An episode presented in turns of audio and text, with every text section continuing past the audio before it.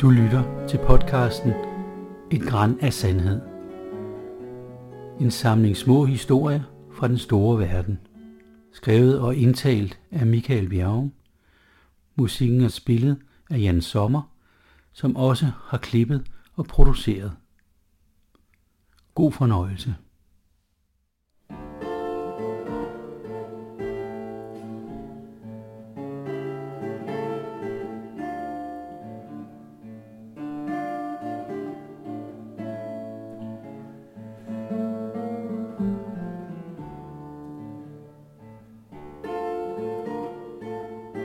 Tejs og Zoe i La Paz. Vi befinder os i Copacabana. Ikke den berømte strand ved Rio de Janeiro, men en mindre by ved kanten af Titicacasøen i Bolivia. Vi har rejst gennem Peru, oplevet Machu Picchu og Cusco, og er nu på vej videre ned gennem det latinamerikanske kontinent. Udover jeg er der to hollændere – Tejs er en høj, mørkhåret mand med et kort fuldskab, og Zoe en lyshåret kvinde med et stort smil. Copacabana er en dejlig lille by med gode turistfaciliteter og direkte adgang til den enorme sø, hvor vi har sejlet rundt blandt de flydende øer. I næsten 4.000 meters højde er temperaturen moderat. Om aftenen skal man bare iføre sig en uldtrøje, lavet af lamauld og netop indkøbt i Peru. Vi planlægger næste trin i rejsen sydpå mod hovedstaden La Paz, hvor der blandt andet ligger breve hjemmefra på hovedpostkontoret. I 1979 er det begrænset, hvor tit man kan kommunikere med dem derhjemme, så poste restante til store postkontorer det er en kærkommen mulighed for at få nyt om, hvad der sker i Danmark. På det lille pensionat samler vi en flok rygsækturister, som alle gerne vil til La Paz, og vi laver en aftale med en lokal vognmand, som har en minibus, der kan køre de 4-5 timer, det tager at komme ind til hovedstaden. En morgen er vi klar, lægger bagage bag og sætter os i bussen. Chaufføren virker distræt og lytter hele tiden til radioen, som er tændt med høj lydstyrke. Vi hører nyheder, som fortæller, at regeringen i Bolivia er trådt tilbage, og en militærperson ved navn Natush Bush har overtaget styret. Chaufføren vender sig mod os og spørger, om vi er sikre på, at vi vil til La Paz lige nu, hvor der er politiske uroligheder. Vi kigger på hinanden og diskuterer, hvad vi skal gøre. Vi har læst om Bolivias tumultariske historie, hvor det ene militærkup afløser det andet. Men som regel uden den store betydning for hverdagslivet. Vi er enige om at fastholde planen og køre afsted. La Paz ligger i et kæmpestort hul i jorden. Den er omkranset af bjerge på alle sider, og byen ligger spredt ud over en stor dal. Efter fire timers kørsel kommer vi til kanten af bjerget og kan kigge ned i byen. Chaufføren stopper bussen og kigger ned mod centrum af byen. Man kan se tanks køre flere steder, og der er nogle jægerfly i luften over byen. Et enkelt sted lyder et brag, og vi kan se noget røg stige op. Chaufføren ser alvorligt på os og siger, at han ikke tør køre ned i byen, så vi må stå af her og selv gå ned til centrum.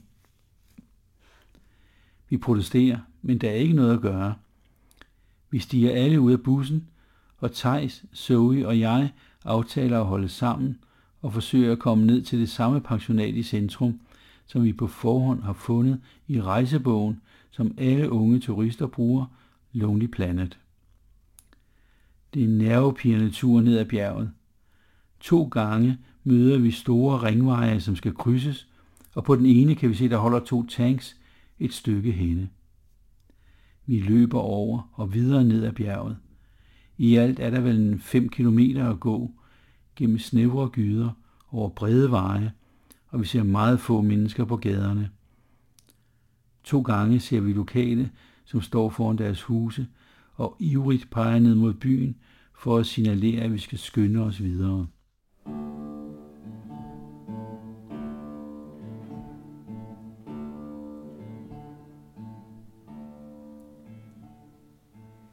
Endelig når vi frem til det lille pensionat, og det lykkedes at holde sammen hele vejen.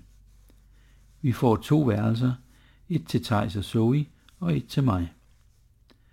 Receptionisten på pensionatet fortæller, at der er udgangsforbud fra kl. 18, hvor vi skal holde os inde, samt at det er muligt at købe nogle sandwich af ham.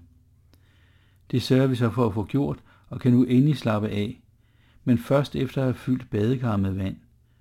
Vi får at vide, at der ingen garanti er for, at der fortsat vil være vand eller strøm, og det er godt at have nogle reserver. Som erfarne rejsende har vi jodpiller i bagagen, så man kan komme i postevandet, så det kan drikkes uden at man bliver syg. Vi aftaler at mødes næste morgen til morgenmad og finder ud af, hvad vi så kan gøre. Ved morgenkaffen er vi alle tre udvidelige og diskuterer, hvordan vi skal takle situationen. Det er torsdag, og vi aftaler, at vi vil kontakte vores respektive ambassader og finde ud af mere. Thijs og Zoe går til den hollandske ambassade, og jeg finder efter noget tid den danske ambassade, som heldigvis ligger forholdsvis tæt på pensionatet. På ambassadens dør, lige under det store skjold med de danske løver og Dannebro, er sat et skilt, hvor det bekendtgøres, at ambassaden er lukket på grund af uroligheder. Med uforrettet sag går jeg tilbage til pensionatet, efter at have købt noget brød hos en bager, som er den eneste butik i hele kvarteret, der holder åbent. Om eftermiddagen fortæller Tejs, at den hollandske ambassade er åben, og at de fortæller, at der er generalstrække i hele Bolivia. Der er rygter om, at minearbejderne i Oruro og Sucre har nedlagt arbejdet og er ved at organisere lokale militser, der vil kæmpe mod soldaterne. Ambassadesekretæren fortæller også, at der er planlagt stor demonstration i La Paz om to dage på lørdag. Man råder alle udlændinge til at komme ud af landet så hurtigt som muligt, men samtidig er det en kendskærning, at den internationale lufthavn er lukket for al trafik. Om fredagen går jeg til hovedpostkontoret, som heldigvis holder åbent. Efter at have vist mit pas, får jeg udleveret 12 breve fra Danmark, som er sendt til mig poste restante.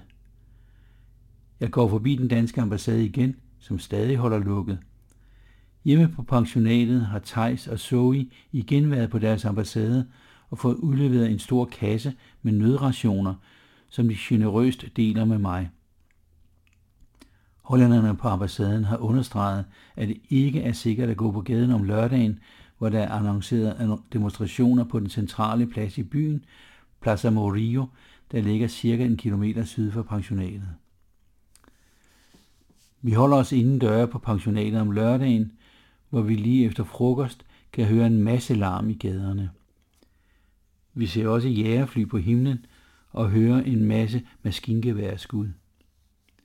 Mit værelse ligger på anden sal, og et stort pinjetræ breder sine grene ud foran vinduet. Men mellem grenene kan jeg se pansrede mandskabsvogne holde foran hotellet, fyldt med soldater, bevæbnede med maskingevær. Vi hører mange gange ambulancers sirener gjalle gennem gaderne, og der er en uhyggelig stemning. Receptionisten, som vi møder ved skumringstid, ser bleg ud, men vil ikke fortælle, hvad han ved. Vi spørger, om det vil være sikkert at gå på gaden om søndagen, og han ser fortvivlet på os, mens han svarer, no se, no se, jeg ved det ikke, gentagende gange. Søndag morgen spiser vi nogle kiks fra nødrationen, som den hollandske ambassade gav til Tejs og Zoe, og drikker noget kaffe, som receptionisten har brygget. Der er helt stille udenfor, og vi går en lille forsigtig tur rundt om blokken, hvor vi kan se rester af plakater og træstave ligge rundt om på fortoget. Det er som om der er en svag duft af krudt, som blandes med den allestedsnærværende stank af kloak. Alting er lukket, selv den lille bager, hvor jeg tidligere har købt noget brød.